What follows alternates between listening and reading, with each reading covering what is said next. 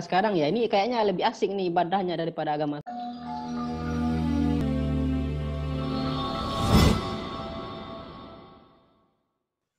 Faris, welcome. Siap dah. Assalamualaikum. Waalaikumsalam. Lama nggak ketemu ya, Faris. Ya, lama sekali nggak ketemu. Setelah pandemi belum? Eh, sudah ya sekali Belum ya. pernah lagi. Sudah, Eh, sekali, sudah. sekali. Selama pandemi sekali. Ya. Sekali ya, sekali. Ini itu ya ketemu sama teman-teman rame-rame. Merame, ngopi-ngopi. Ya. Iya. makan. Iya.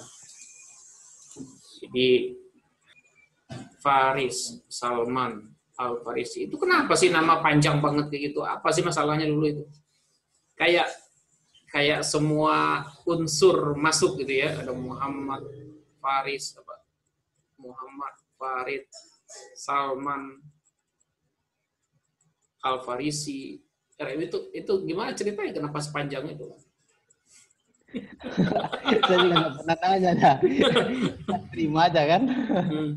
Kita terima aja. Apalagi ada RM-nya belakang kan. Kalau RM singkatannya itu di dipanjangin, nah, dia lebih panjang lagi.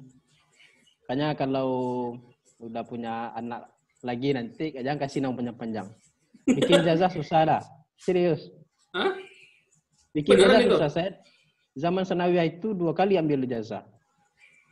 Sampai dua kali. Karena ya karena waktu ijazah yang pertama itu RM-nya nggak ada di ijazahnya.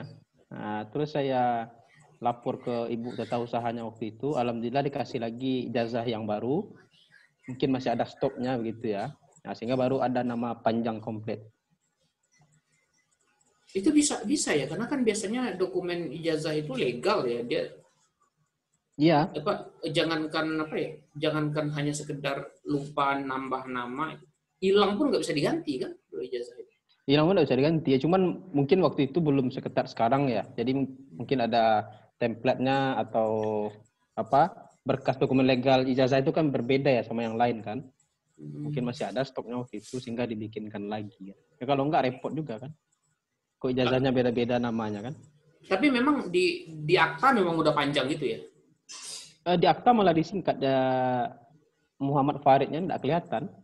Jadi MF gitu Salman Al Farisi RM. Jadi legalnya itu ya namanya ya MF Salman Al Farisi RM gitu Itu ya. di ya itu di akta di di ijazah komplit itu kecuali RM. RM-nya tak dipendek, yang lain itu panjang. Jadi itu memang repot, terutama misalnya eh, kalau kayak udah kan bikin bikin paspor kan enak tuh. kan cuma dua kata kan, Ah, Nah, first name last name. Nah, kalau dulu bikin paspor itu panjang susah kan, jadi harus pakai lembaran tambahan dia di belakang dikasih catatan lagi sama orang migrasi itu. Karena halaman depan paspor itu kan pendek kan, hmm. jadi harus ditambah halaman belakang.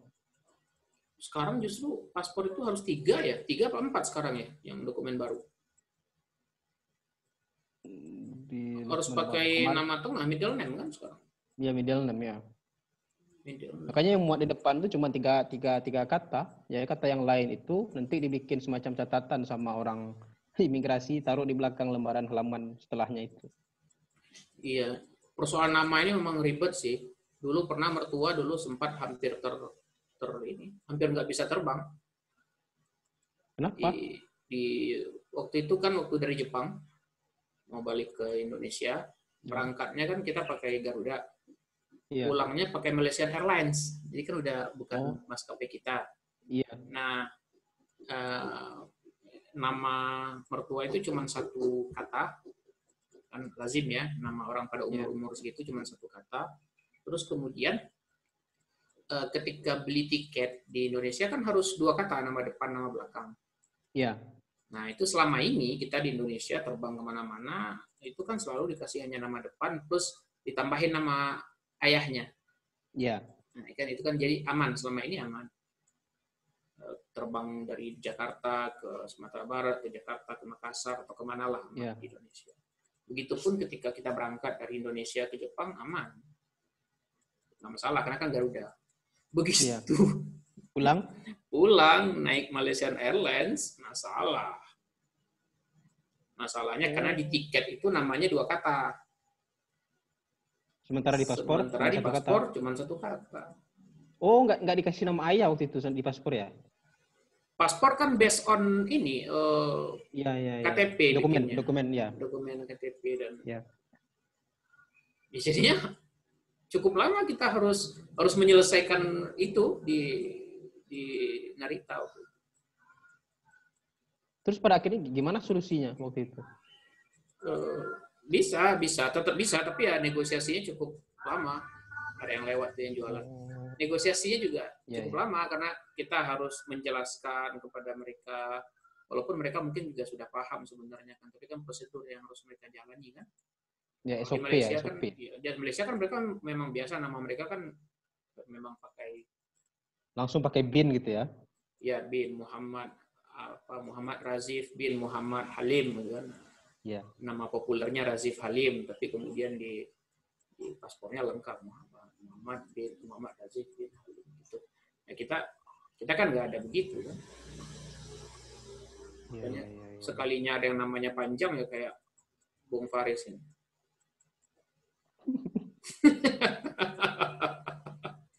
Nggak, itu sih, jadi kalau kalau kasih nama anak jangan panjang-panjang.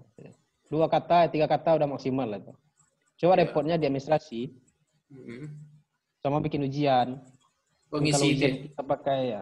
Kan bulat-bulatan tuh. Mungkin kawan sudah selesai lima soal kan, kita baru nulis bulat-bulatan nama kan.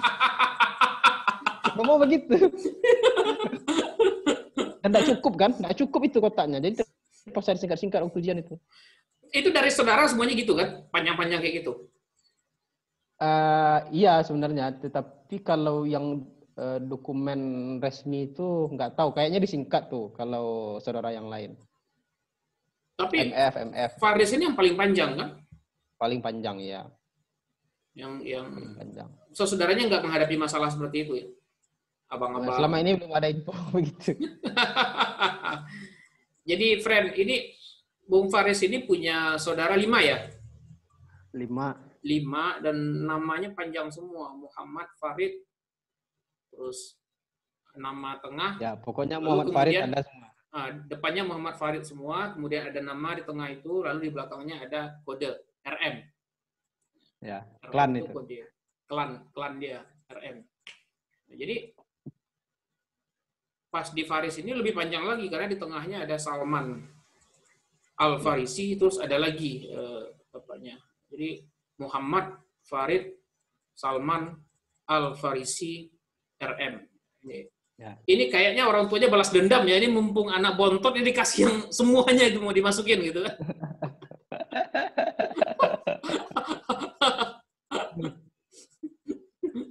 Jadi Ya, tetapi, tapi, ya, tetapi menariknya kita kar- karena punya banyak kata yang diadopsi di nama itu, ya, sehingga kata-kata itu kan setelah kita besar kan dipertanyakan kan.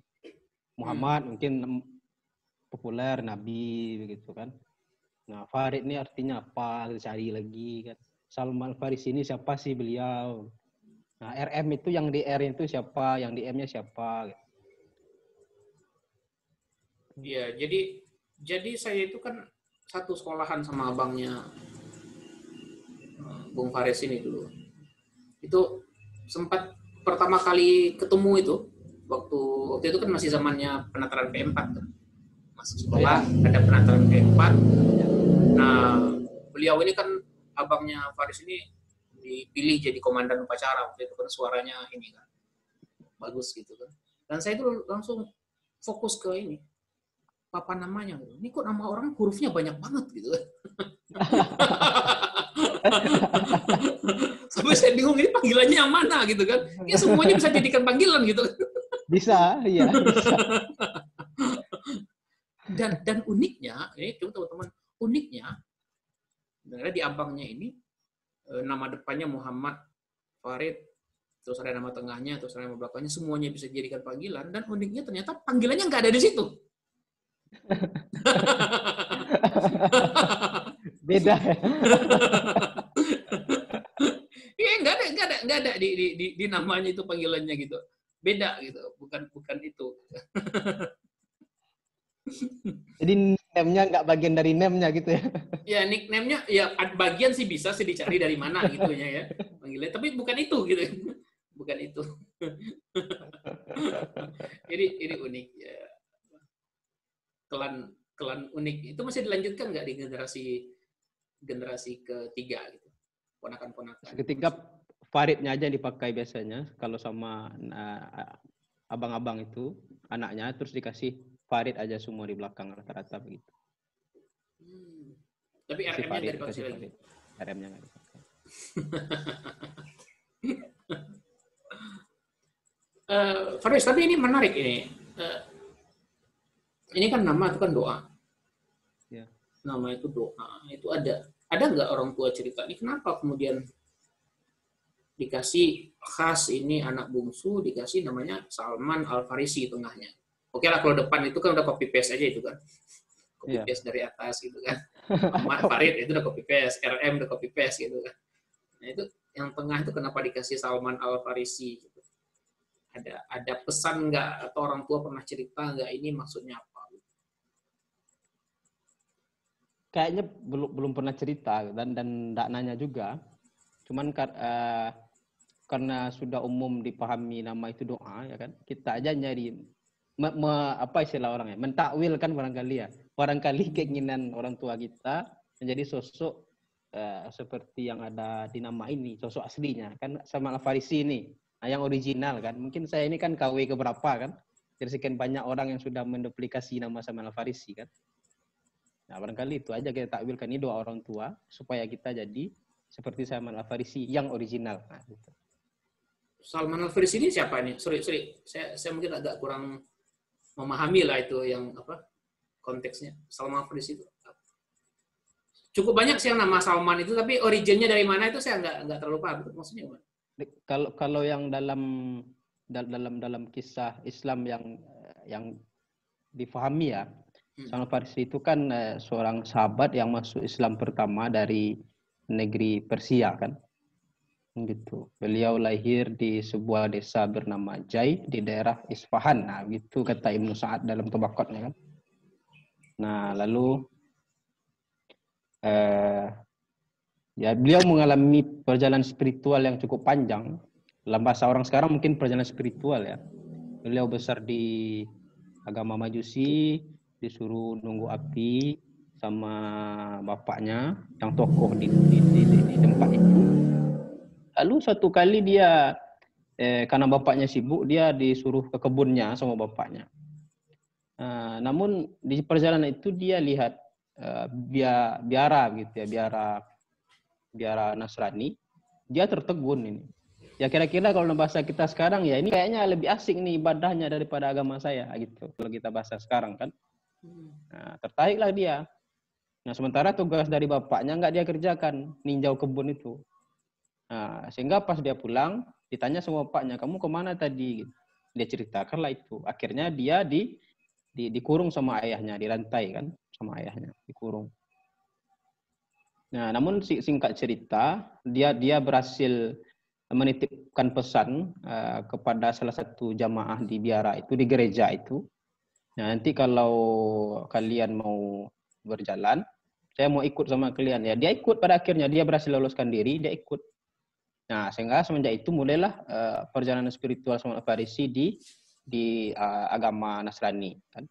Dia pindah dari satu uh, guru pendeta ke pendeta yang lain. Jadi pindahnya ini berdasarkan rekomendasi dari pendeta A misalnya, nah, dia pindah ke pendeta B, tapi dia mukim di satu pendeta itu sampai dia meninggal. Sebelum meninggal itu, si pendeta mewasiatkan siapa lagi guru? Guru aku dia bertanya. Lalu pendeta bertanya kamu pergi ke si fulan? Gitu. dia pindah ke pendeta B gitu. Nah dia dia ke Mosul di Irak dia ke Amuria uh, dia ke dua apa tiga, dua sampai empat pendeta yang dia singgahi. Nah, sehingga gurunya yang terakhir yang pendeta ini kemudian mau mengatakan uh, nubuah kenabian Nabi Muhammad gitu Nah, yang pendeta itu bilang mungkin ketika uh, nabi terakhir itu lahir, barangkali aku sudah meninggal. Kalau seandainya aku belum meninggal ketika itu, aku akan menjadi pengikutnya. Nah, pesan dan dan pendeta terakhir ini mengisyaratkan tempat gitu. Nah, mengisyaratkan uh, apa geografis kota Yastrib ya ketika itu ya. Geografis itu. Nah, sehingga kemudian beliau meninggal. Oh, satu lagi. Nah, kemudian gurunya yang terakhir ini, pendeta ini juga mengisyaratkan tanda-tanda kenabian Rasulullah. Nah, gitu. Dia tidak menerima sedekah, tetapi menerima hadiah. Ya kan ada tanda kenabian di punggungnya. Nah, ada tiga tuh. Satu lagi lupa. Nah, terus nah, atas dasar pesan terakhir ini kemudian uh, Salman ini dia bergabung dengan kafilah gitu. Dengan kafilah untuk yang kafilah yang akan berdagang ke daerah-daerah Hijaz itu. Ya kan? Nah, cuman di perjalanan beliau di, dijual gitu. Dia dia awalnya menjadi orang merdeka Pak, karena dijual menjadi hamba menjadi hamba dari salah satu kabilah Yahudi ya jadi budak nah, jadi budak dari salah satu kafilah di di Madinah Nah, uh, singkat cerita, jadi di tengah dia pekerjaannya, dia lagi manjat pohon begitu, dia lagi manjat pohon, tuannya ini lagi ngomong sama temannya, ya kan, tentang oh, sosok nab, uh, sos, seseorang sosok yang mengaku nabi datang dari Makkah. Nah, ini kan proses hijrah nih kan. Nah, itu kan bikin geger kelompok-kelompok uh, yang ada di Yastrib ketika itu. Oh jadi nah. dia baru ketemu dengan Nabi Muhammad itu setelah Nabi Muhammad hijrah gitu? Ya? Iya di Madinah. Hmm. Nah, jadi, jadi maksudnya sebelum Muhammad Nabi Muhammad uh, apa datang ke Madinah, dia sudah lama di Madinah si uh, Salman Al Farisi ini. Uh, di di yang yang di Tobakut Ibn Sa'ad itu tidak ceritakan berapa lama periodenya. Nah, tetapi eh, yang jelas dia sudah di Madinah duluan sebelum hijrah itu. Ya kan? Nah, sehingga tadi waktu dia manjat pohon itu, dia mendengar Tuhan uh, tuannya itu berbicara sama kawannya uh, tentang sok Nabi itu, dia kaget, dia turun kan dari pohon itu karena dia menyimpan wasiat terakhir dari gurunya tadi kan. Hmm. hmm. Dia bertanya, dia bertanya, lu dimarahin sama tuannya, kamu kerja aja sana. Mungkin begitu kira-kira dengan bahasa kita sekarang. Kamu kerja aja sana. Dia marahin, ya dia balik lagi kerja. Nah, akhirnya pas Rasulullah sudah uh, sudah sampai ke Madinah, uh, beliau uh, kemudian uh, minta izin gitu sama sama tuannya ini kan untuk cari kayu bakar, untuk uh, lepas sehari sehari kumpulin. Nah, jadi Nah, tujuan beliau uh, minta izin sama majikan ini supaya beliau bisa memverifikasi wasiat dari guru terakhirnya. Karena Rasulullah tidak punya tidak menerima sedekah kan. Mm-hmm. Nah, jadi supaya dia punya penghasilan sendiri, dia cari kayu bakar gitu, dia jual, dia dapat penghasilan. Nah, nah sehingga dia berkunjung ke tempat uh, Rasulullah itu kan. Dia berkunjung, dia kasih ini sedekah Oh, nah, Rasulullah untuk buat ya. muji ya, buat muji maksudnya. Ya, ya? muji, dia muji ya. Dia dia memverifikasi waktu itu memang berdasarkan wasiat terakhir kan. Dia verifikasi sama Rasulullah lalu oh ya diterima sama Rasulullah ya kan. Kemudian dibagikan kepada teman-temannya. Namun Rasulullah sendiri tidak makan. Berarti nah, enggak enggak sesuai dengan dengan wasiat gurunya. Gimana?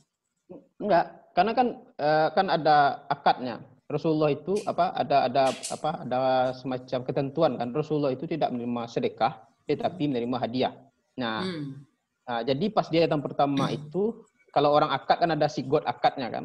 Nah, ya pas penyerahannya itu uh, ini sedekah kira-kira begitu bahasanya hmm. Salman. Nah, Rasulullah menerima tetapi beliau tidak memakan sedekah itu. Sahabat-sahabatnya yang memakan.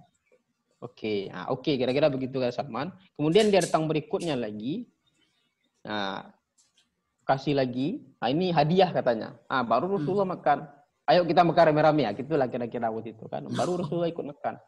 Nah, kemudian nah, ketika itu sudah muncul tandanya kan. Hmm. Kemudian Salman juga ibarat kita cari tanda orang di punggung ini kan susah kan. Di pundak ini kan susah. Yeah, nah, iya. Salman yeah. ya mengingat Rasulullah begitu. Nah, Rasulullah paham ya di, di dibuka sama Rasulullah. Kamu nyari ini ya kira-kira gitu. Dilihat. Hmm. Oke. Okay. Habis itu Salman bersyahadat. Gitu. Masuk Islam lah beliau. Nah, cuman nggak langsung jadi orang merdeka, nggak butuh proses kan.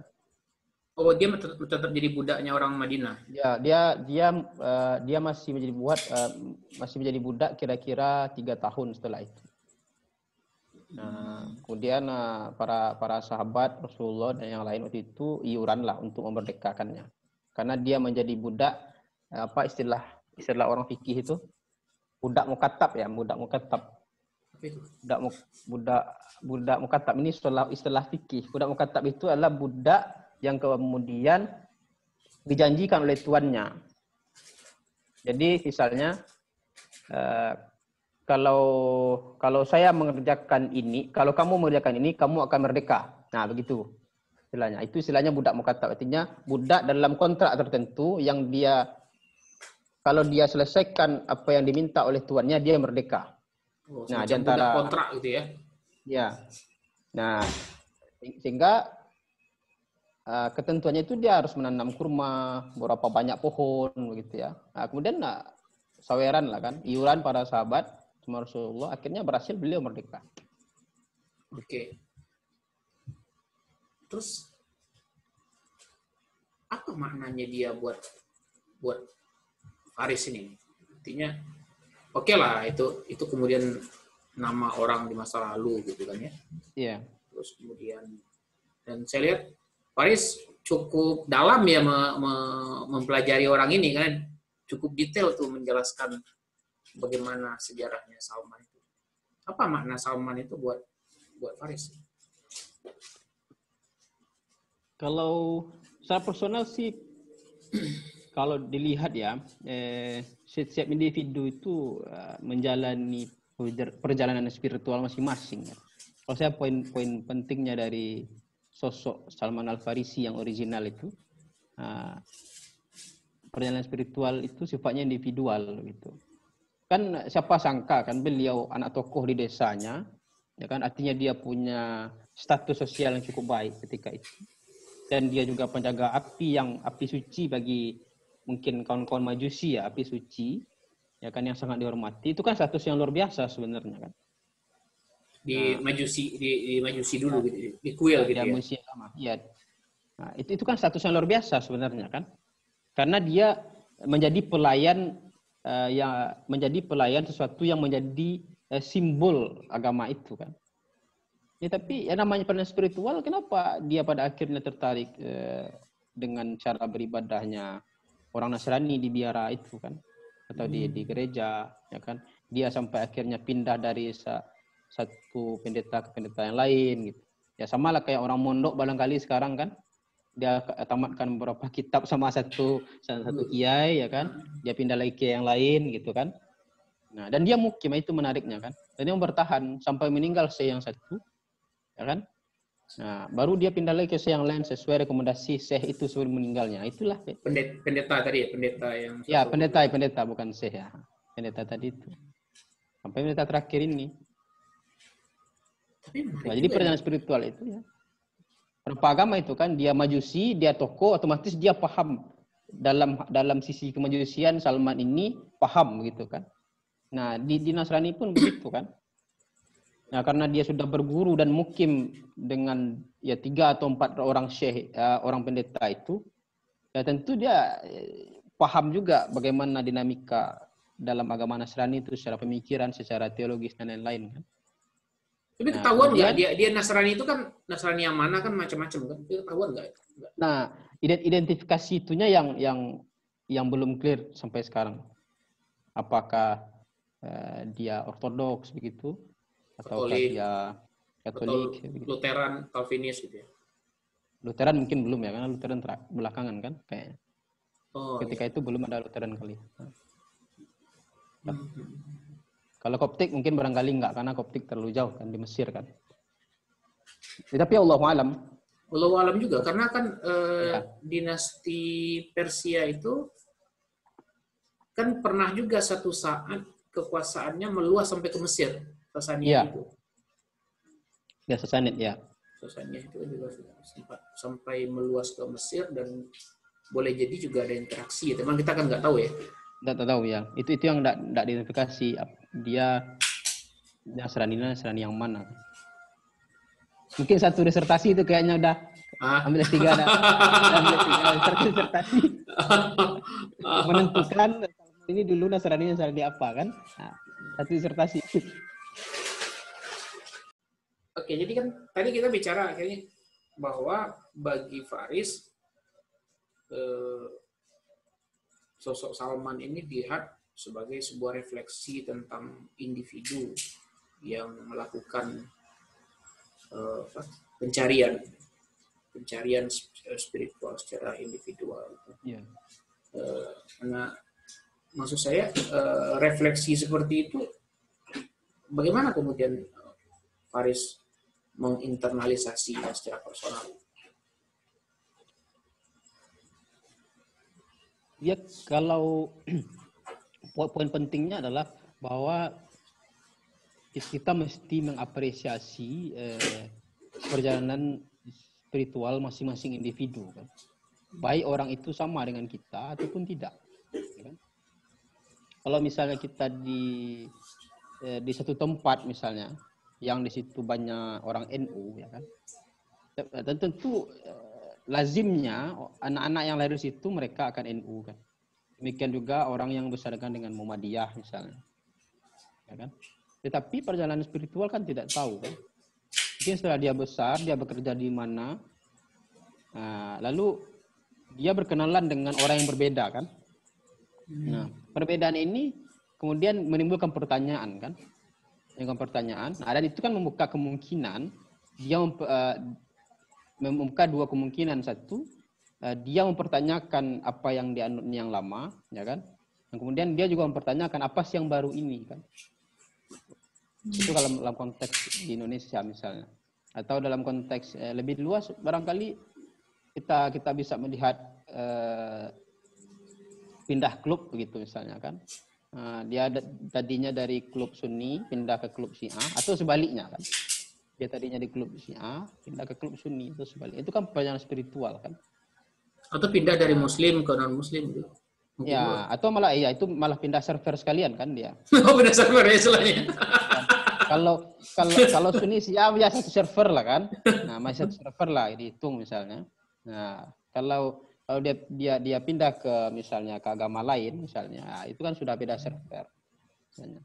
Baik agamanya itu agama Abrahamik barangkali ataupun agama ya agama Dharma gitu ya, agama Dharma seperti Hindu, Buddha dan lain-lain. Dan, dan dan memang itu menarik. Saya pernah eh, ketemu jadi kak eh, ketemu orang gitu. Awalnya saya cuma beli keyboard, cari online gitu oh, yang jual keyboard apa keyboard bahasa Arab kan, biar kita bisa belajar lancar ngetik dalam bahasa Arab. Lalu kemudian eh, singkat cerita, akhirnya ngopi sama dia. Gara-gara saya pasang status kopi aja, ngopi lah sama dia kan. Oh, saya juga ngopi nih, ini ngopi. Sama ini ngopi juga. Ngopi. nah, jadi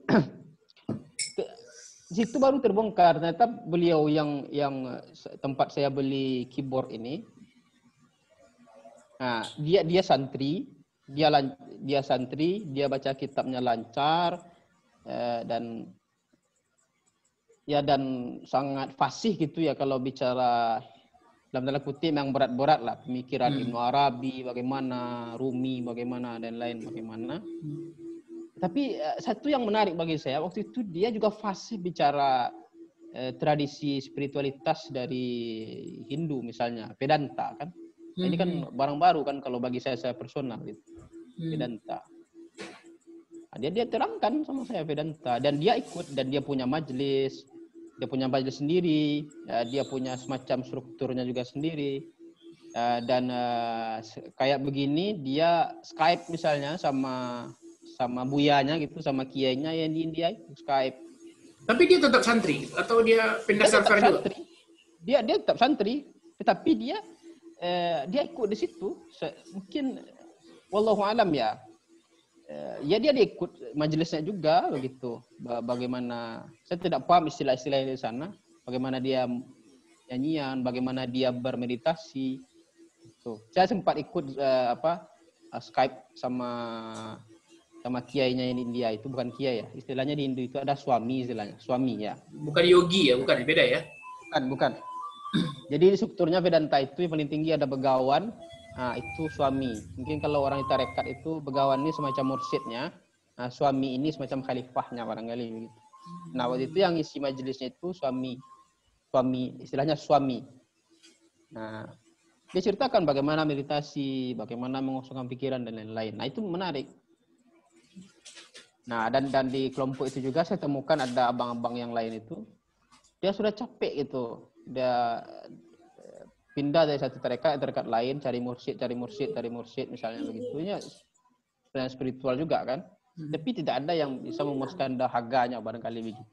Nah, masuk dia situ. Dan dia asik sampai sekarang.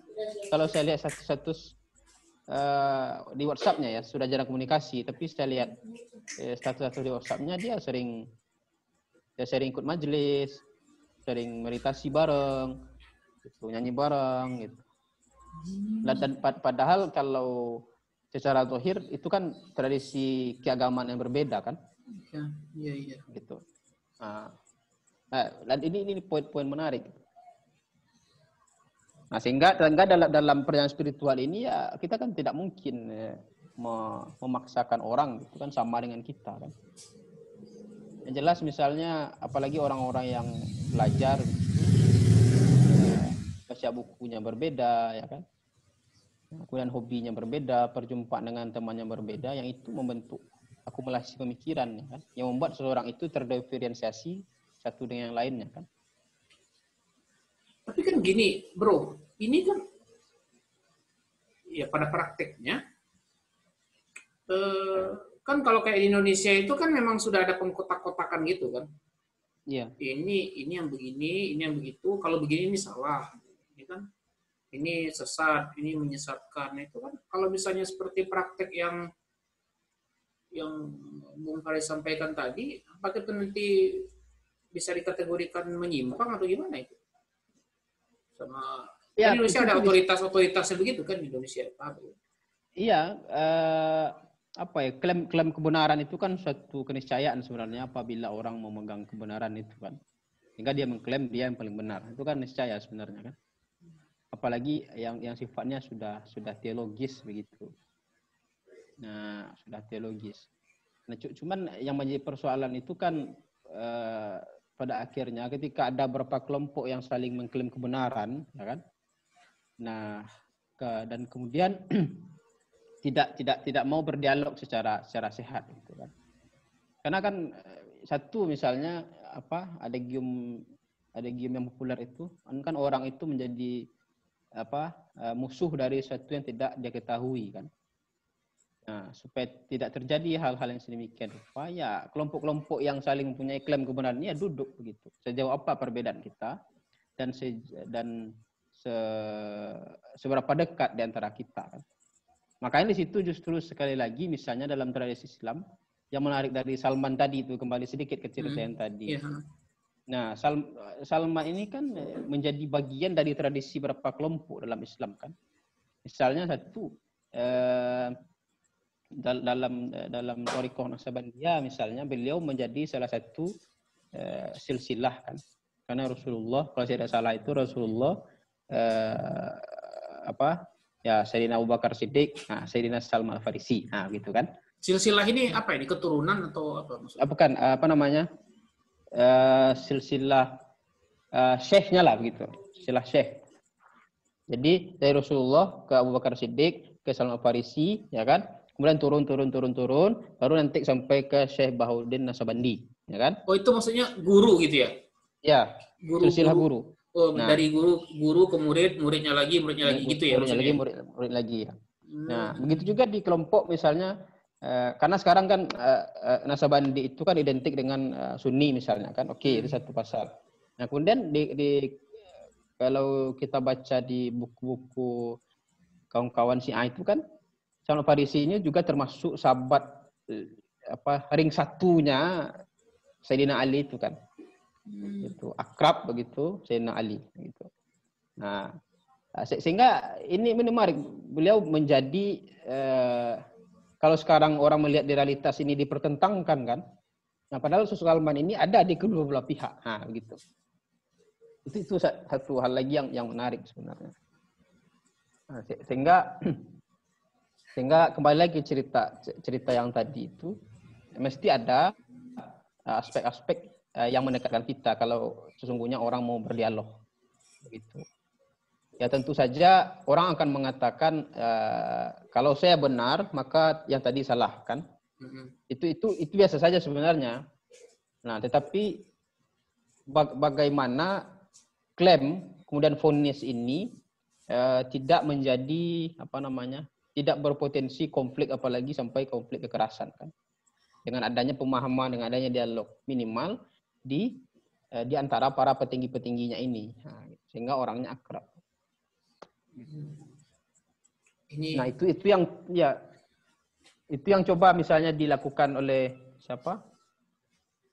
Eh, Syed Hussein Nasr itu kan beliau beliau filsuf, beliau intelektual muslim ya kan, yang besar dari tradisi Iran.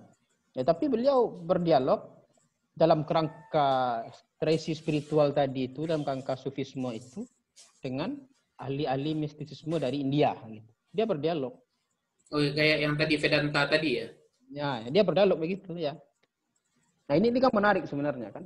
Artinya jembatan-jembatan apa bukan jembatan sekat-sekat teologis itu ya kan bisa ditembus oleh yang sifatnya mistis ya begitu ya mistisisme itu sama kayak itu juga ya saya apa siapa sih yang saya Isa Nuruddin itu siapa sih nama nama Inggrisnya nama nama barat oh, iya.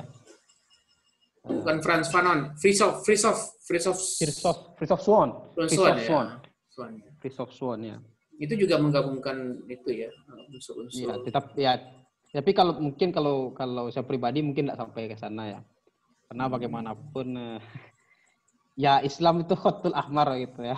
itu sudah. nah, ini, ini, ini menarik nih. Kalau kalau bicara ke situ kan, jadi tadi Bu Faris itu menjelaskan tentang apa perjalanan seorang uh, Salman Salman uh, yang dulu ya, the first Salman Al Farisi the first ya, the first Salman Al Farisi. Ya. Salman, macam udah kayak raja-raja ini pakai the first, the second gitu ya. Oh, iya, udah kayak... Salman Al Farisi Al Awal, ah gitu ya. Jadi ya, dari yang mana dari darinya kemudian orang mendapatkan inspirasi. Tapi gini, uh, Bung Faris juga mengalami nggak seperti yang dialami Salman itu. Jadi mengalami proses uh, pencarian atau proses perjalanan spiritual sehingga kemudian juga uh, setidaknya apa ya apa mendapatkan sesuatu yang yang yang menghasilkan juga kan kayak Salman kemudian mendapatkan sesuatu yang bagi dia itu bermakna kan jadi dia mencari dari dia majusi kemudian berpindah dari satu pendeta ke pendeta lain lalu kemudian menjadi masuk Islam dan kemudian dia menemukan itu sebagai sesuatu yang bermakna bagi dirinya dan itu. Bung Faris sendiri sebagai seorang Salman Al Farisi nomor sekian gitu ya. Do you experience apa mengalami hal hal yang sama nggak? Kalau nggak salah basicnya orang Padang gitu. Orang Padang itu kan pasti kebanyakannya itu kan nggak tahu nih ini Perti apa apa Muhammadiyah ya Muhammadiyah. Muhammadiyah. Oh, oh Muhammadiyah ya. Orang Padang kan kebanyakan gitu, kalau bukan Perti ya Muhammadiyah. Gitu. Muhammadiyah ya. Muhammadiyah nah, itu kan. Nah ini menarik nih, orang Muhammadiyah kemudian uh, memaknai Salman sebagai sebuah uh, pencarian spiritual yang yang yang sangat terbuka. Saya tidak mengatakan Muhammadiyah tidak terbuka, tapi saya kan Muhammadiyah itu kan agak fiqhiyah ya kalau cenderung kecenderungannya agak fiqhiyah ya kalau saya melihat ya. Cenderung lebih ke Islam yang punya aturan-aturan syar'i gitu ya dan Faris kalau kalau dari yang Faris ceritakan besar dari lingkungan seperti itu. Eh, bagaimana? Apakah mengalami juga enggak? Karena dari lahir dari lingkungan yang fikih, kemudian bisa mengapresiasi Salman yang yang tadi dianggap lebih spiritualis gitu kan, bisa diterima oleh banyak kalangan, bisa dinilai dari ya. banyak perspektif, menjadi bagian dari apa tadi silsilah silsilah tarikat itu kan NU banget tuh surut, surut pandangnya gitu ya barang, barang ya barang barangkali itu salah satu hasil begitu ya. Cuma kalau saya katakan saya mencari seperti Salman pun tidak. Ya, tapi eh, ini mungkin apa ya kodarullah aja kan kita besar dengan Muhammadiyah, kemudian kita merantau kan, eh, ketemu sama teman-teman pondok, ya kan, ketemu teman-teman pondok, mereka berbicara banyak hal, banyak topik kan? Nah, lalu ya mulai dari ya tasawuf lah, mulai dari urusan kitab lah, dan mereka punya rujukan turos yang cukup kuat kan. Nah, dan ya, karena rasa ingin tahu tinggi ya kita coba aja. Terus satu kan ada majelis ya kan ya karena kan eh, prinsipnya kan kalau kita belajar itu ya kan kita harus membuka diri kan misalnya membuka diri. Nanti eh, terlepas sepakat kita tidak sepakat dengan suatu itu tapi yang jelas kita belajar dulu kan. Tuh jangan jangan sebelum kita belajar lalu kita tutup diri ya nggak sampai kepada kita kan. Nanti setelah kita terbuka terhadap hal itu ya kita tidak sepakat ya silakan aja. Yang, yang penting eh, informasinya sudah cukup untuk kita terima kan untuk kita pahami. Kalau saya prinsipnya kan begitu nah ya sehingga ada majelis misalnya Misalnya dulu kan saya tinggal di dekat majelis eh, Masjid Sudirman itu di Jogja itu. Nah, di situ kan eh, sering orang kajian kitab-kitab kuning kan kita nyimak ya. Orang ada kajian Ibnu Arabi, ada Al-Hikam, terus uh, ada kajian filsafatnya juga di sana. Karena dekat ya kita beberapa kali ikut di sana. Kemudian ada Cak Nun di Jogja kan. Nah, ada acara Meiyah, kita ikut juga. Ada diskusi di PW Muhammadiyah Jogja, kita ikut juga ke situ ya menikmati apa namanya khazanah intelektualitas Jogja lah barangkali istilahnya. Hmm. Nah terus dari situ wah, kita kan sudah punya icip-icip ini. Ini ya itu mungkin jadi sifatnya akumulatif kan. Oh, berarti dari dari Padang hijrah ke Jogja itu setelah kuliah atau sebelum kuliah? Sebelum kuliah, kuliahnya di Jogja. Tapi kecilnya di Padang. Ya kecil di Padang. Di Padang. Nah, itu ya udah kita terima apa ya mengabsorb ya mengabsorb informasi tadi itu menyerap. Nah ya sehingga di situ ada titik bagaimana kita mengapresiasi orang. Karena satu kali saya pernah eh, dalam tanda kutip serasa kena tampar gitu kan. Kenapa demikian Uh, karena kita dari kecil hidup di lingkungan yang uh, lumayan agamis begitu. Yang kecil ya kita mengaji apa lancar lah gitu ya. Mm-hmm. Ada tajwidnya ada macam-macam kan. Nah, dan saya ikut pelatihan lah di Jogja itu. Dan pelatihannya Islam. Uh, kemudian pada akhirnya uh, saya hampir nggak jadi ikut. Oh, kenapa? Kenapa? Satu saya tahu uh, ini yang isi pelatihannya nggak lancar ngaji. Nah itu. Yang kedua itu ya saya levelnya sampai begitu ya. Nah waktu itu nggak lancar ngaji. Lalu saya bilang aja kenapa uh, saya, saya bilang sama sama teman waktu itu kenapa kamu dia dia dia bilang kenapa uh, kamu nggak ikut gitu. Dia nggak lancar ngaji saya bilang kan. Ya, kita membicarakan Islam nih dia nggak lancar ngaji gimana caranya? Nah situ saya situ sadar nah, di situ saya ditampar oleh uh, teman ini. Kamu pernah nggak ke rumahnya? Dia bilang. Kamu tahu nggak latar belakangnya dia rumahnya masih lantai tanah dia bilang nah diceritakanlah kronologisnya kenapa dia oh di situ baru saya sadar Ternyata satu orang itu secara terbelakang nggak nggak sama kemudian perkembangannya dengan kita kan. Nah, uh, di situ saya mulai uh, merefleksi untuk meng mengapresiasi gitu. Ya mungkin diseragamkan karena kan dalam kepala kita dalam kepala saya waktu saya awal datang itu yang namanya orang Islam itu ya lancar ngaji, ya kan? Lancar ngaji. Bisa makhraj gitu ya. Makhraj ya makhraj huruf ya kan. Walaupun saya sebenarnya juga nggak nggak paham-paham amat juga gitu ilmu tajwid itu ya. Cuma karena kita pernah belajar gitu di surau kan. Nah, cuman kejadian tadi itu menampar saya karena istilah orang sekarang saya sudah menjudge orang itu kan. Sudah menghakimi dia di dalam eh, berdasarkan pengalaman saya. Itu kan tidak ada perspektifnya sebenarnya kan hanya berusaha pengalaman saja kan menjudge dia. Tidak pakai apa instrumen analisis yang macam-macam juga kan. Nah, itu saya ditampar oleh teman ini saya tidak langsung kan bahwa dia ini berbeda dengan kamu. Gitu. Dia besarnya rumahnya tanah, ya kan? Dia hmm. tidak tidak punya tradisi mengaji pada awalnya, ya kan? Tapi akhirnya dia berprestasi, dia menjadi instruktur dan menjadi apa kan? Hmm. Nah, situlah mulai mengapresiasi. Nah, nah sehingga sampai sekarang itu yang menjadi apa? satu prinsip bagi saya. Jadi kalau ya kita, kalau kita ingin memahami orang lain, ya sebisa mungkin pahamilah dia sebagaimana dia memahami dirinya.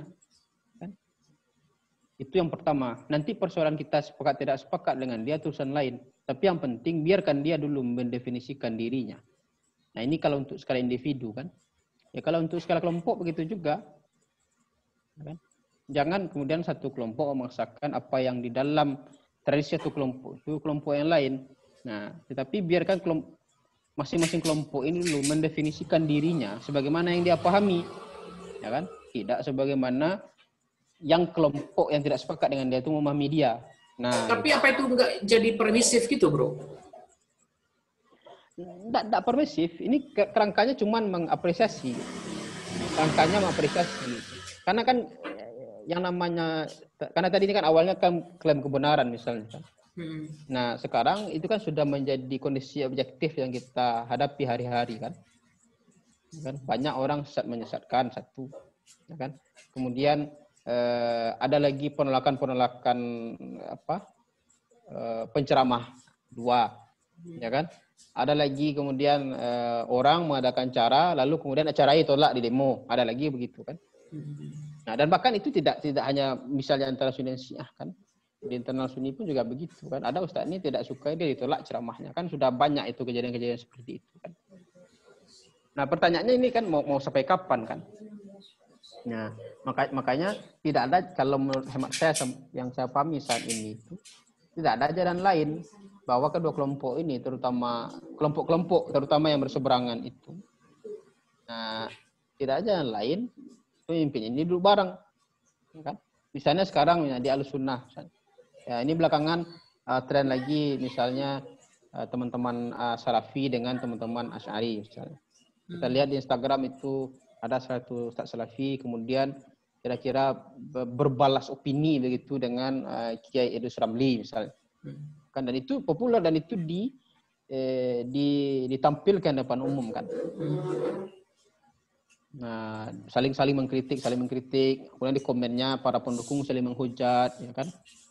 Nah, karena situasi sudah begini ini kan ya kalau kesimpulan ekstrim kita ini kan laten menjadi konflik nanti ke depannya kan. Kalau dibiarkan. Kan? Begitu juga saya lihat uh, ada channel-channel teman-teman Syiah itu kan. Nah, komennya kan juga banyak yang membabi buta itu kan di bawah. Uh, Syiah bukan Islam apa ya kan dan lain-lain. Nah, sehingga, nah, sehingga kembali kepada kesimpulan tadi itu, hmm, ketika ada dua kelompok, eh, kalau individu bagaimana individu membuat kelompok, ketika ada dua kelompok saling bertentangan, ya kan? Nah, maka tanyalah kelompok itu, kelompok yang dimaksud, gitu. biarkan dia mendefinisikan dirinya, jangan tanya orang yang berseberangan dengannya, ya kan? Otomatis orang yang berseberangan dengannya atau kelompok yang berseberangan dengan kelompok itu dia akan eh, menjelaskan ya kan apa-apa yang dia bilang sesat dari kelompok yang tadi itu kan. Tapi biarkan kelompok, kalau kita ingin tahu kelompok A, tanya kepada kelompok A, biarkan dia dia jelaskan dirinya, baca bukunya yang ditulis oleh tokohnya, yang ditulis oleh para ulamanya misalnya. Nah, kita kita ingin tahu kelompok B, baca bukunya, ya kan? Dan dengarkan ceramah ulamanya. Dengan begitu kita akan bisa melihat secara objektif. Nanti persoalan kesepakatan dan tidak sepakat itu kan urusan lain kan. Nah, tapi yang jelas kita mencoba memahaminya dulu sebelum menghakimi. Ya, itulah kuncinya barangkali. Cuman kok ini uh, ini menarik, Fris. Cuman kan ada begini, uh, kalau sekedar perdebatan opini itu kan menurut saya niscaya ya nggak mungkin tidak terjadi ya. gitu kan namanya juga perbedaan ya. kan cuman kan yang kita takutkan itu bahwa itu akan masuk ke konflik yang saling yang akan merusak kan yang, yang, yang merusak menciptakan apa dia destruktif lah begitu. Iya, destruktif lah, destruktif. Dan itu belakangan kan tidak hanya dilakukan oleh satu kelompok. Ya, be honest lah. Kalau, kalau misalnya kita bicara pelakunya adalah kelompok Salafi misalnya atau Wahabi. Tapi belakangannya kan juga NU juga ada melakukan hal yang sama kan pembubaran pengajian di di apa di beberapa tempat gitu kan. Nah ini kan membuat eh, konflik ini makin meruncing.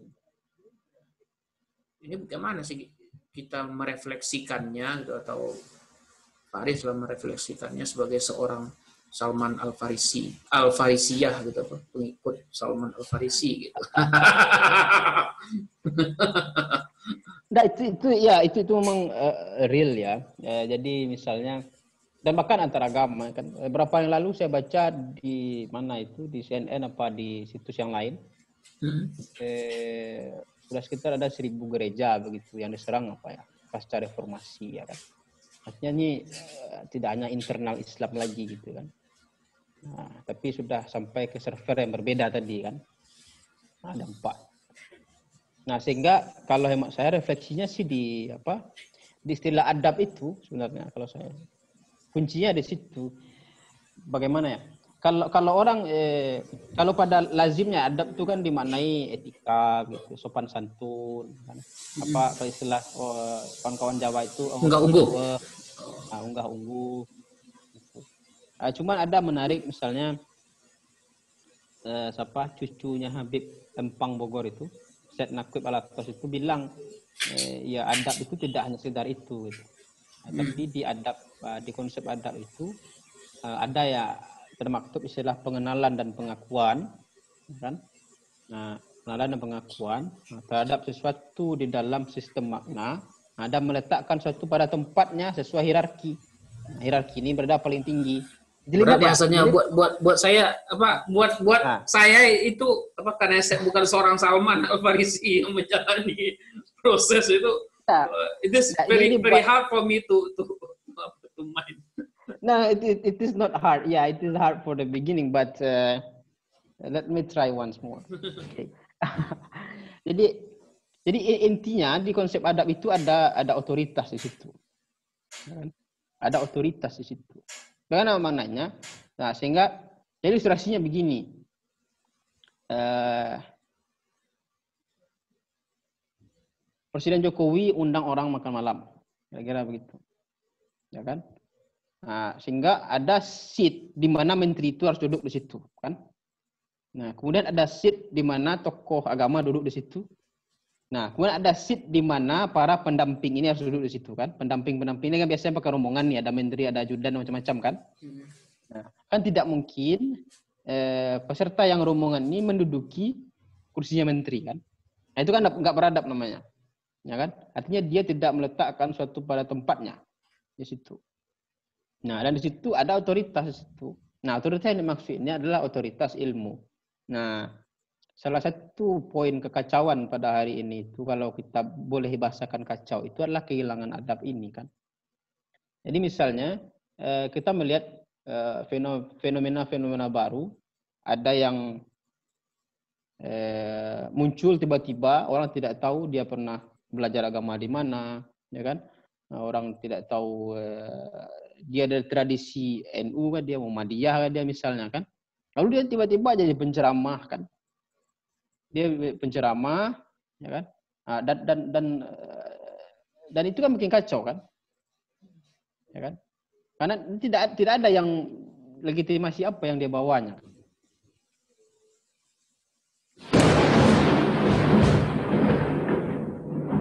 Nah, atau atau misalnya ada orang-orang yang baru pindah server masuk Islam, ya kan? Nah, lalu tiba-tiba dia didaulat menjadi penceramah di mana-mana kan? Nah, dan dalam ceramahnya itu kemudian dia sangat apa namanya? Eh, ya dalam tanda kutip dia men, sangat menjelekkan agama sebelumnya kan. Bagi saya ini tidak tidak baik gitu kan. Ya kalau dia mau ceramah orang yang baru pindah server ini masuk Islam, ya silakan aja gitu kan dia ceritakan pengalaman spiritualnya, kenapa dia masuk Islam gitu kan. Nah, tetapi bukan berarti dia pindah masuk Islam lalu dikasih kursi penceramah, dia memberi, memberikan semacam pengajian umum layaknya buya atau kiai kan. Karena dia belum terdidik dalam tradisi mana dia. Di NU kan Muhammadiyah kan dia ada verti kan. Ya kan? Nah, ini salah satu poin kekacauan pada hari ini. Kan orang tidak paham dia punya tempatnya di mana kan.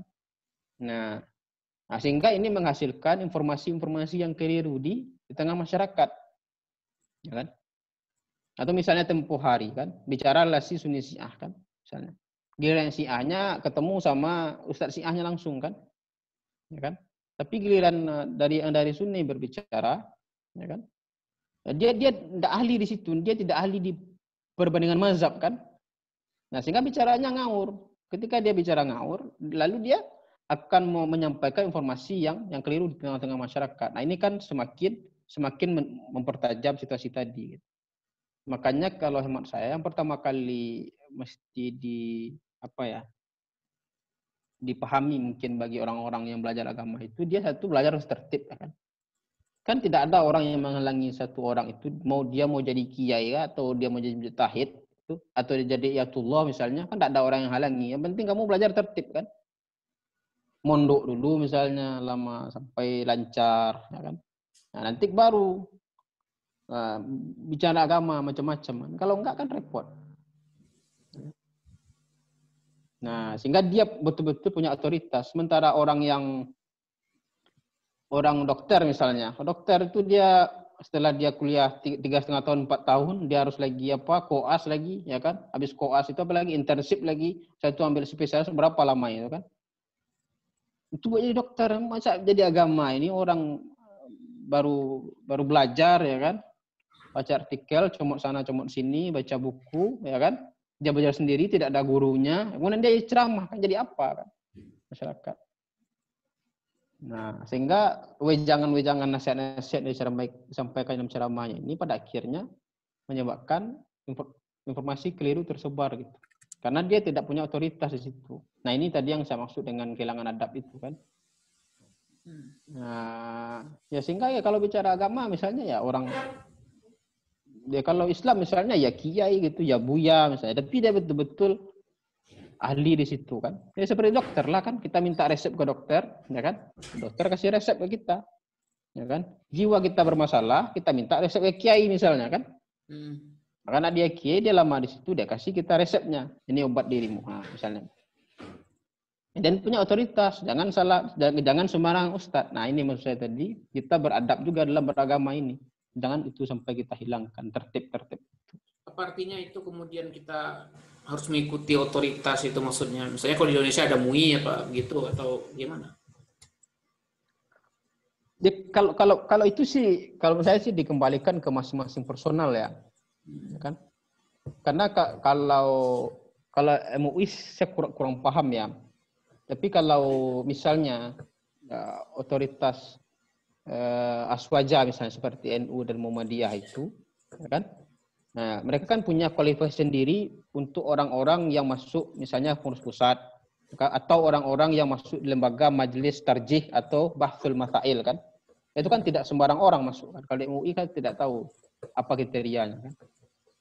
Nah, nah, kita yakin misalnya kalau kita lihat orang NU itu atau lihat majelis tarjih itu, kalau orang sudah masuk bahsul masail misalnya, ya kan? orang sudah paham ini sudah kiai, dia sudah baca kitab kuning berjibun misalnya, hmm. ya kan? Nah, sehingga kalau ada persoalan-persoalan fikih misalnya harus selesaikan, nah dia enak mengambil itu karena itu sudah bidangnya kan. Nah itu. Ataupun mungkin individu otoritasnya tidak masalah. Satu kali misalnya nanti masa depan, misalnya ada ayatullah di Indonesia kan, ya itu ya otoritas bagi pengikut Syiah barangkali gitu. Jadi tidak semua orang bicara ini gitu. Ketika ada kejadian-kejadian perseberangan, iya para kiai ini, para ustadz ini yang berdialog satu sama lain gitu. Jadi tidak usah ya pengikut ya pengikut aja gitu. Kita harus paham uh, apa istilah orang orang-orang orang-orang tasawuf itu. Makom kita itu di mana kan? Iya, tapi bro gini, uh, sorry saya, saya nanya nih. Uh, tadi kan tadi kan kita bicara tentang individual apa ya? Yeah. individual experience atau individual apa, pencarian yeah. individual uh, Salman Al Farisi gitu kan. Tapi di sisi lain kita bicara tentang otoritas yeah. dan um, apa itu seems like something that contradict each other atau gimana ya? Ketika, ketika kita ada otoritas, berarti kan kemudian otonomi individu kita untuk melakukan pencarian itu kan juga akan terbatas. Katakanlah kemudian seorang eh, kita orang Islam Indonesia Nah, kalau dia Muhammadiyah ya ikut otoritas Muhammadiyah atau NU ikut otoritas NU. Apakah itu kemudian tidak menjadi uh, semacam barrier atau menjadi penghalang tersendiri ketika ia melakukan personal apa spiritual traveling yang, yang yang harus dilakukan? Tidak, saya justru justru itu malah malah membuat perjalanan spiritual itu semakin clear kan. Makanya kalau tadi kita ambil kisah sama Farisi tadi itu kan dia kan memang belajar sama orang otoritatif kan. Hmm. hmm, dia keluarga Yahudi terhormat dan dia penjaga pelayan jadi khodimnya apinya itu kan. Majusi nah, ya. Majusi. Nah, Majusi misalnya, ah, dia belajar itu langsung sama pendeta dan dia mukim di gerejanya itu kan. Dari satu pendeta ke pendeta yang lain. Itu kan otoritas sebenarnya. ya kan? Nah, sampai kepada otoritas Rasulullah SAW kan sebagai guru terakhirnya kira-kira begitu. Nah, dan dia meninggal dalam keadaan Islam. Nah, gitu. Itu tidak melang justru itu malah membuat persoalan semakin clear misalnya. Taruh misalnya ada polemik kan. Karena uh, polemik antara kawan-kawan salafi dengan uh, Kiai KNU misalnya misalnya kan. Hmm. Nah, ketika clear ini ya kan, oh ini salafi, siapa yang punya otoritas di sini? Ya kan? Clear. Dia oh, kita tinggal tanya kalau kita ingin tahu kan? Gimana sih misalnya teman-teman salafi ini? Oh dia punya punya buku-buku kalau uh, yang yang buku-buku yang sudah terjemahkan ini. Atau mungkin orang yang bisa baca kitab kuning kan? Kitab gundul itu. Nah dia dia akidahnya ini ya dia tinggal tanya kalau dia tidak paham kitab akidahnya dia tinggal mengkonfirmasi ustadznya oh ini ustadz salafi ini ah misal ya kan Nah, begitu juga dengan uh, di uh, orang ingin tahu misalnya bagaimana sebenarnya Asy'ariyah itu, ya kan? kan? Atau misalnya perang-perangan urusan tafsir, takwil tidak takwil, bagaimana sih takwil itu? Nah, takwil pakai Asy'ari misalnya dia, ya kan? Tinggal tanya kepada kiai, dia jelaskan. Jadi jelas tempat bertanya itu pun jelas ketika ada otoritas, ya. Hmm. Tidak tidak seperti sekarang eh, pakai apa namanya Syekhul Google wa muftil internet nah barangkali begitu istilahnya dia kan. ya kan? Jadi kan kacau. Kita nggak tahu nih siapa yang buat kan? Nah, kan bisa sembarangan. Nah, jadi kalau jelas begitu otoritasnya, oh ini uh, eh, NU, Asyariah, Maturidiyah, misalnya fikihnya Syafi'i, misalnya tanya ke situ. Oh ini Salafi, uh, dia akidahnya bagaimana misalnya? Tanya ke situ, temui ustadznya dan lain-lain. Uh, ya tahu mau piknik misalnya, ya kan? Ke ah misalnya kan. Siapa ustadz beliau? Oh, siapa ustadznya? Oke, buku-bukunya apa? Kita baca tanya, ya kan? Nanti persoalan sepakat tidak sepakat ya itu urusan berbeda. Itu yang proses spiritual itu kan. Jadi jelas tempat dia berguru itu di mana. Itu malah memudahkan. Ya, ya kalau pemahaman saya ini nggak bercanggah ya antara yang awal dan yang terakhir ya. Ya, bro, uh, gimana? Sepakat nggak? Ada yang ngusulin ini biar biar kemudian kita bisa lebih tenang. Karena kan uh, pencarian spiritual yang berbagai macam. Uh, orang setiap individu bisa melakukan pencarian, Eh, kemudian karena pencarian itu sangat individual berarti dia kan otonom karena dia otonom ada kemungkinan dia akan beraneka ragam karena yeah. dia ber beraneka ragam kemungkinan akan ada interaksi interaksi itu bisa jadi konflik bisa jadi kompetisi bisa jadi aliansi dan lain sebagainya kan yang mungkin terjadi yeah. tapi yang paling ditakutkan itu kan ketika dia menjadi konflik yang destruktif misalnya kan nah sepakat nggak kemudian kalau ada yang yang berkata oh sebaiknya kita pakai physical segregation aja bagaimana? Jadi misalnya wilayah Jawa Timur itu adalah wilayahnya NU, Muhammadiyah jangan masuk-masuk ke situ. Kalau masuk ke situ nanti ribut. Sumatera Barat itu wilayahnya Muhammadiyah misalnya. NU jangan masuk ke situ. Kalau masuk nanti ribut. Atau ini masjidnya masjid NU, ini masjidnya Muhammadiyah jangan coba masuk. Atau Indonesia ini wilayahnya Sunni, Syiah jangan coba-coba. Nah, kemudian apa uh, Iran, Azerbaijan itu wilayahnya Syiah, Sunni ya, jangan coba-coba gitu kan. Dan atau mungkin uh, Ahmadiyah nanti di mana lagi di Punjab di mana gitu kan di, di Pakistan. Setuju nggak jika itu kemudian dianggap sebagai sebuah solusi atau atau atau bagaimana dalam perspektif spiritual traveling yang apa apa itu pencarian spiritual yang yang yang Faris pahami? itu itu ya barangkali jadi satu jadi satu solusi. Ya kan barangkali bisa jadi satu solusi cuman eh ada ada persoalan di situ kan. Kan yang eh, namanya kebenaran itu kan sebagaimana yang kita lihat hari ini itu kan tidak bersifat sosiologis dan geografis kan itu kalaulah itu benar adanya ya kan kalau kalaulah itu benar adanya akan salah dakwah Islam masuk ke Indonesia kan karena sebelum Islam sudah ada Hindu Buddha kan. Nah, dan akan salah juga Hindu Buddha masuk ke Indonesia karena sudah ada agama-agama lokal sebelum itu kan. Nah, ya kan misalnya ada ada pra ya zaman prasejarah itulah barangkali kan. Ada zaman pra itu, nah, kemudian masuk agama Dharma, Dharmik itu kan agama Dharma, Hindu, Buddha dengan alirannya, ya kan kemudian masuk Islam dengan alirannya kan. Nah, kalau kalau kebenaran itu sosiologis tentu akan salah hal itu semua kan. Nah, ya kalau misalnya agama Dharma tadi munculnya di Hindustan itu, misalnya tanah Hindustan, ya kan? Ya biarkan dari situ dia akan salah masuk Indonesia, tapi tidak buktinya kan. Buktinya Palembang Sriwijaya itu pernah menjadi satu pusat dalam tradisi agama Buddha pada masanya, misalnya gitu kan. Nah, maka kesimpulan saya atas adanya itu ya tidak mungkin kemarin ini disegregasi begitu secara demografis atau apalagi apalagi secara sosiologis kan. Gitu. Nah, apalagi zaman sekarang misalnya kan. Zaman sekarang atas nama kebebasan individu kalau kita buka eh, apa namanya?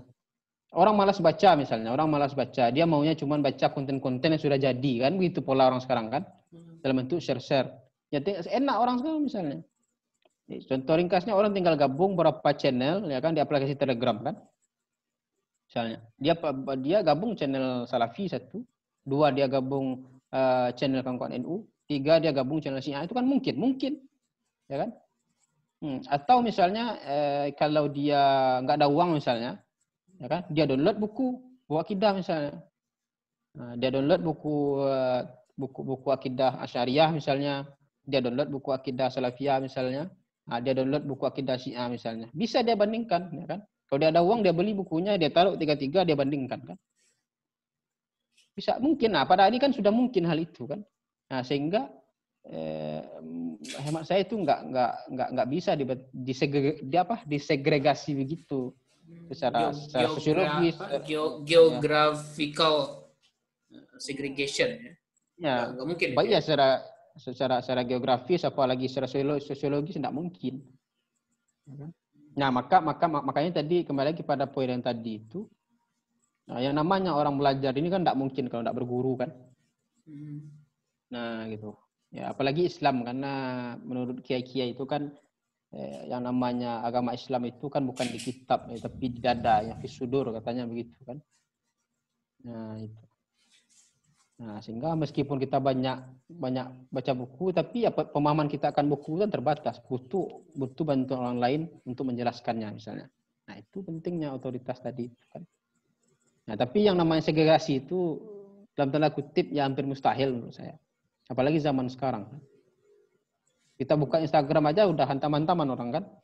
Oh, ini ziarah kubur misalnya. Udah posting ziarah kubur. Ada yang posting pro ziarah kubur. Ah, ada yang agak-agak melarang ziarah kubur kan. Ada yang posting malam ini kita talilan. Oh jangan, talilan itu bid'ah misalnya. Ada yang posting begitu. Hanya kita tinggal buka Instagram. Kan? Nggak mungkin kalau dalam dalam situasi sekarang jadi jadi sulit ya dalam situasi sulit. teknologi informasi yang sudah sedemikian. Jadi sulit. Kalau misalnya kita di Indonesia ini kan, siapa misalnya Ustadz terkenal di Salafi misalnya. Kita kita tonton ceramah misalnya Ustadz Firanda misalnya yang di Salafi itu. 10 episode beliau ceramah di YouTube tentang eh, akidah misalnya. Oke, habis itu kita dengar ceramah Ustadz Adu Somad misalnya atau eh, Kiai Idris Ramli tentang akidah Asyariah atau Buya Yahya misalnya 10 seri. Oh habis itu kita mau piknik lagi nih ke mana? Ah, ke si lah misalnya kan. Nah, dengan lagi misalnya siapa uh, Ustadz Jalal misalnya, Ustadz Jalul Rahmat misalnya. Ceramah dia. Ada 10 kan banyak seri, banyak, banyak serinya masing-masing Buya ini kan. Hmm. Itu kan mungkin dilakukan orang sekarang yang uh, dia merasa punya otonomi dan ya ingin apa namanya? Uh, ingin berkenalan dengan tiap-tiap kelompok ini kan. Ingin membuka diri. Nah, sehingga dalam dalam hal itu ketika dia cenderung kepada salah satu misalnya dari dari penjelasan ustadz itu kemudian didukung oleh bacaan-bacaan dia ya kan? Didukung oleh kajian-kajian dia yang lain ya itu kan wajar saja kan? Nah sehingga pada hari ini itu bukan tidak mungkin orang yang besarnya di lingkungan sunni menjadi syiah ataupun sebaliknya kan? Dia menjadi menjadi sunni. Atau orang yang besar di Muhammadiyah dia menjadi NU atau sebaliknya atau orang yang tadinya Ash'ari, besarnya Ash'ari, ya kan? Nah, tapi dalam perjalanan hidupnya dia tertarik sama kajian teman-teman Salafi misalnya, ya dia di Salafi kan. Ya terus bagaimana melarang-larang itu kan tidak mungkin. Ya kan? Nah, meskipun sekali lagi ya ini amanah-amanah para buya, para kiai itu janganlah belajar lewat sosmed, ya kan? Mesti punya guru. Nah, gitu. Punya guru. Apalagi hanya orang sekarang mau tunggu-tunggu video 2 menit, 3 menit, ya kan? Dulu ulama-ulama itu belajar bertahun kan? Capek mereka jalan, nggak ada motor, nggak ada ini, pakai apa? Pakai pakai onta, ya kan? Buku dimaling lagi kan? Udah buku dimaling lagi di jalan, dibegal lagi kan? Kan ada kisah Imam Ghazali itu kan? Nah sekarang kita belajar dua menit pakai YouTube share kan? Nah begitu selesai. Habis itu main game itu lagi, ya. susah.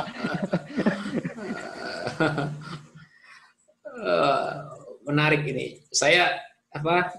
Ini menarik di perjalanan apa, bagaimana Bung Faris menjelaskan perjalanannya dan kemudian bagaimana Bung Faris menjelaskan kan kalau saya tanya apa hikmah perjalanan? Itu kan terlalu klise karena semua yang Bung Faris jelaskan jelaskan sekarang itu itu sudah memperlihatkan hikmah yang didapatkan dari dari perjalanan spiritual selama ini, ini menarik sekali uh, Bung Faris. Ini mungkin apa ya ini udah udah berapa jam sih kita? Udah satu jaman ya? Udah sejam, udah satu jam. Udah, ya? udah satu jam ya, luar biasa juga Lebih ini. satu setengah jam, satu setengah jam. Iya, Hampir. Saya tadi, uh, iya, saya tadinya tadinya mikir saya malah nggak tahu mau ngomong apa ternyata luar biasa ini kita saya, saya mendapatkan insight yang yang ini dari Bung Faris. Uh, apa ya saya mau nanya ya? Apa yang bisa ya kita dari mana kita bisa mulai gitu? Untuk mencoba merefleksikan perjalanan Salman itu. Salman Al Farisi tadi. Katakanlah ini saya nih saya udah umur udah segini nih kan. Uh, umur sudah hampir 40 kemudian uh, beragama juga masih begini-begini doang gitu kan. Sholat cuma kuat lima kali sehari gitu kan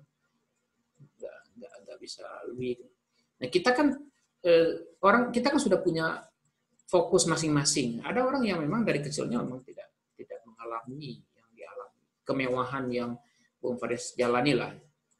Sehingga dia setelah dewasa ya dia hanya bisa belajar secara instan itu karena memang dia tidak punya instrumen untuk memahami perspektif yang lebih luas itu. Katakanlah dia memang tidak pernah belajar agama, tidak pernah baca buku, tidak pernah baca kitab. Tapi bukan berarti dia bodoh ya, mungkin dia ahli teknologi, ahli Iya. apa-apa gitu yang lain ya yang yang sesuai dengan bidangnya. Kita dari mana nih kita kita yang yang, yang kayak begini gitu kan? Harus mendapatkan hikmah, kebijaksanaan, wisdom yang seperti itu. ya juga. Iya bijak sana bijak sini lah kan. Ya tapi serius, ya, itu kan wisdom seperti itu kan bukan instan kan? Seperti Bung Faris jelaskan tadi sempat pada waktu uh, uh, kecil itu menjadi orang yang yang sangat apa uh, beragama sangat ketat, kemudian setelah sampai di Jogja merantau sempat kemudian menjudge seorang tidak mau berguru hanya karena apa tidak mau mendengarkan orang hanya karena dia tidak fasih misalnya dalam membaca tulisan Arab. Lalu kemudian berevolusi menjadi orang yang yang seperti ini gitu, yang yang lebih terbuka menerima itu itu. Itu kan panjang jalannya. Sementara kan tidak semua orang punya kemewahan ya. untuk menemukan jalan sepanjang itu. Ya ini ini pertanyaannya berat sebenarnya ini. serius serius saya, saya, belum belum pernah memikirkan demikian ini lah. Karena ya sekali lagi kan, apalagi kita di Indonesia ini kan ada yang sempat sekolah di madrasah kan misalnya. Nah ya mungkin eh, kita misalnya sekolah di madrasah ya senawiyah, yang aliyah barangkali atau teman-teman yang mondok kan yang sempat icip-icip. Bagaimana teman-teman yang tidak sempat di madrasah misalnya kan SD terus SMP terus SMA kan. Nah, tidak sempat masuk yayen kan. Itu kurang beruntung masuk yayen dia masuk kampus yang lain kan. Nah, jadi jadi jadi mungkin kurang tapi setelah dewasanya dia eh, merasa perlu akan agama barangkali misalnya kan. Nah sehingga dia belajar dari yang instan-instan itu kan. Nah makanya eh, ini ini rumit untuk untuk untuk untuk menjawab itu diskusikan. Barangkali ya eh, karena tradisi Islam itu adalah tradisi otoritas barangkali ya. Nah sehingga pihak otoritas inilah yang menjelaskan dalam ceramah-ceramahnya itu kalau mau belajar harus tertib gitu. ya kan? nah, jangan jangan serampangan barangkali begitu itu hal-hal begini-begini mesti disampaikan oleh para para penceramah itu Nah sekali lagi ya barangkali karena tadi kita mau otoritas ya, nah, barangkali ini salah satu fungsi penjelasan otoritas itu. Ini ada teman-teman dan ini kan bukan fenomena di Islam ya sebenarnya kan juga di fenomena yang lain kan. Ada orang yang sudah banyak uangnya, tetapi dia masih merasa kosong dirinya ya kan. Ya, sehingga populerlah tradisi-tradisi seperti yoga dan lain-lain itu kan sebagai sebuah spiritualitas. Nah, ya, juga teman-teman ini kan menarik juga sekarang kayak fenomena urban sufism gitu kan yang yang sekarang ya. muncul. Kemarin uh, kayak saya lihat di Instagramnya Alvin Adam itu setiap hari hari Senin malam itu ada hmm.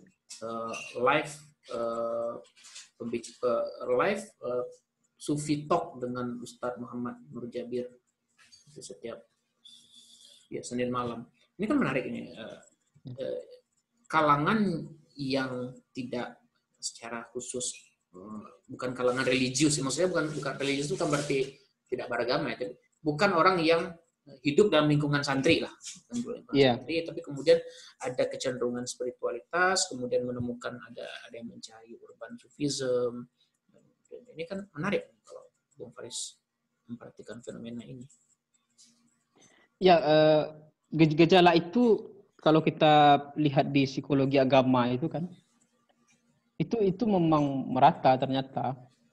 Makanya disiplin psikologi misalnya eh, ada psikologi transpersonal kan. Hmm. Kemudian ada psikologi positif. Gitu. Nah, disiplin psikologi yang begini ini kan sebenarnya tidak tidak pada lazimnya psikologi yang di apa namanya dipraktekkan orang yang berbasis empirisme, kemudian ilmu perilaku kan begitu. Nah, ini kan eh, transpersonal atau positif misalnya dia lebih kepada uh, bagaimana menjalani hidup yang bermakna. Ya kan? Jika ada kasus misalnya, ada pola kasus, nah ada terapinya itu di psikologi transpersonal, bagaimana motong pola kasus ini pada uh, pada individu tertentu gitu. Nah, makanya makanya tadi saya sempat singgung sedikit, misalnya kayak di Amerika itu kenapa psikologi transpersonal muncul, ada salah satu analisisnya bahwa orang di sana dia sudah kaya misalnya. Ya kan? Materi dia sudah punya, ya kan? Mungkin dia bisa update teknologi terbaru, dia bisa update, ya kan? Kalau orang mau kabling, silakan clubbing misalnya. Ya, dia punya uang untuk itu. Ya, tapi jiwanya masih kosong. Ada, sesuatu yang dia tidak bisa dapatkan dengan uang, kan? Nah, sehingga dengan demikian, nah, lahir dia menemukan jawaban itu di tradisi spiritual. Nah, ya, tapi di sisi lain, hak orang-orang yang seperti itu juga yang kemudian mengalami pembelajaran instan seperti yang yang nah iya. Pada sampaikan. Ya itu itu iya itu itu itu satu sisi mungkin itu konsekuensi ya.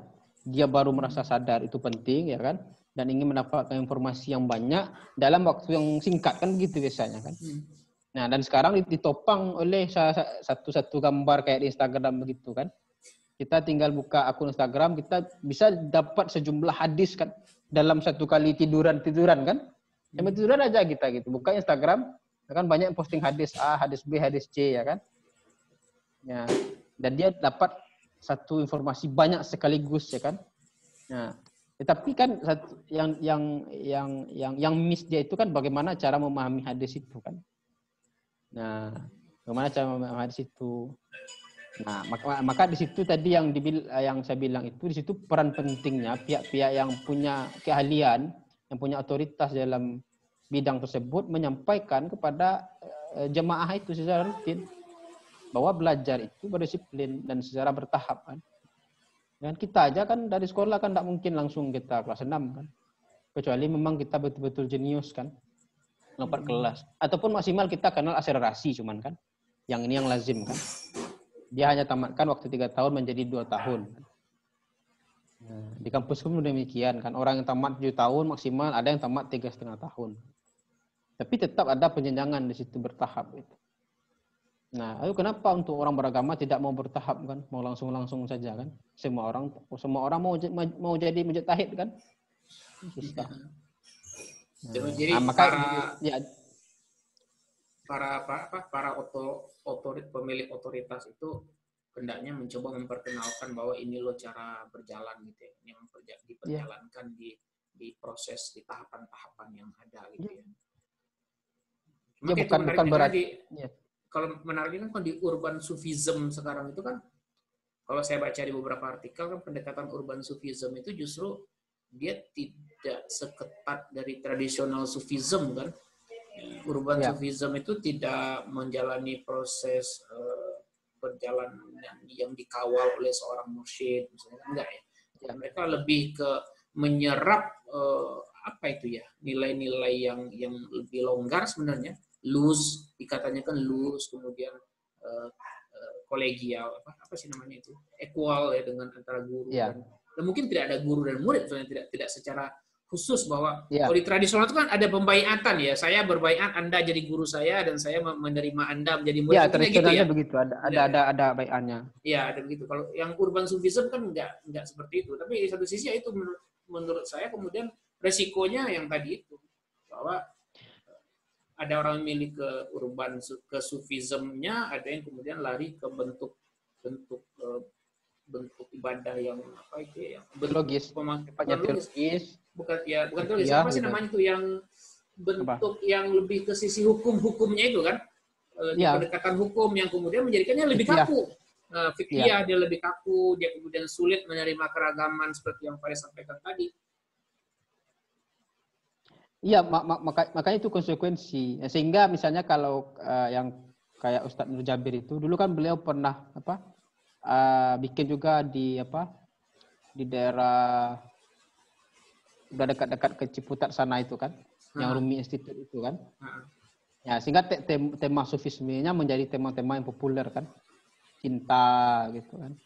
Kemudian dengan core-nya Rumi melalui pembahasan-pembahasan syair-syairnya Rumi kan Nah, dan dan itu uh, ya urban sufism uh, apa urban sufism ya kan dengan cara yang lebih populer kan. Nah dan dan mengurangi dan kalau saya lihat itu aspek doktrinal itu kurang di situ kan. Karena itu yang cocok dengan eh, para para jamaah majelis beliau kan.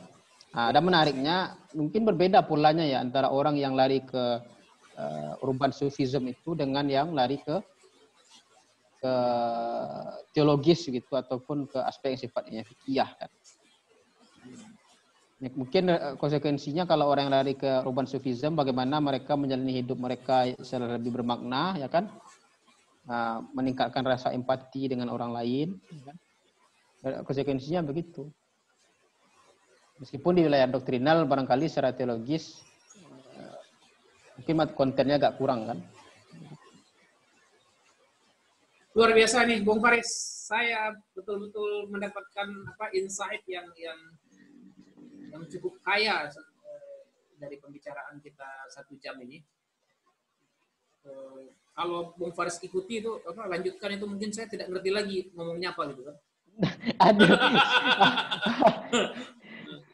Aduh. itu di luar, di luar ini. padahal kita banyak banyak uh, menerima ceramah dari beliau, cuman giliran rekaman kita ini semuanya berceramah kan? Aduh. Oh, enggak, serius. Ini ini terus terang saya saya uh, belajar banyak ini dari dari perspektifnya Faris itu ya.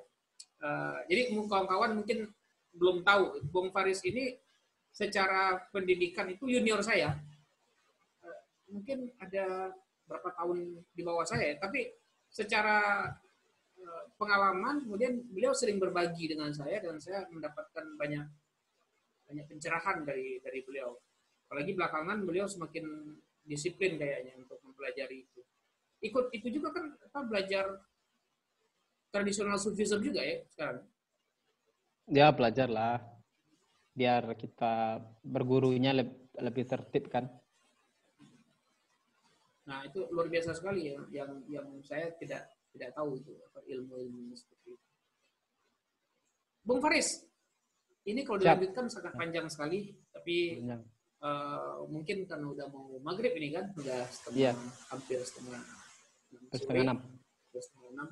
Saya terima kasih sekali lagi Bung Faris sudah mau berbagi uh, bagaimana eks, apa, pengalaman menjadi Salman Al Farisi, the, the descendant, the ideological the, the ideologic descendant of Salman Al Farisi.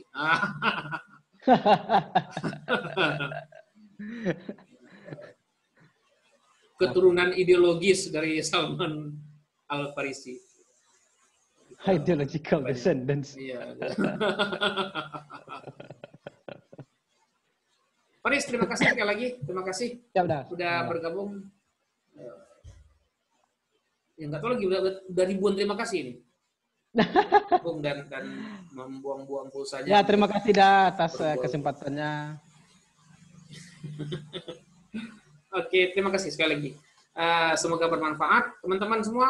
eh, ini ketemu dengan Faris Al Farisi, eh, sorry Salman Al Farisi, dan eh, semoga kita semua mendapatkan insight yang menarik dari beliau dan bermanfaat bermanfaat untuk kami, bermanfaat untuk anda itu urusan anda juga kan otonomi individu. Assalamualaikum warahmatullahi wabarakatuh. Waalaikumsalam warahmatullahi wabarakatuh.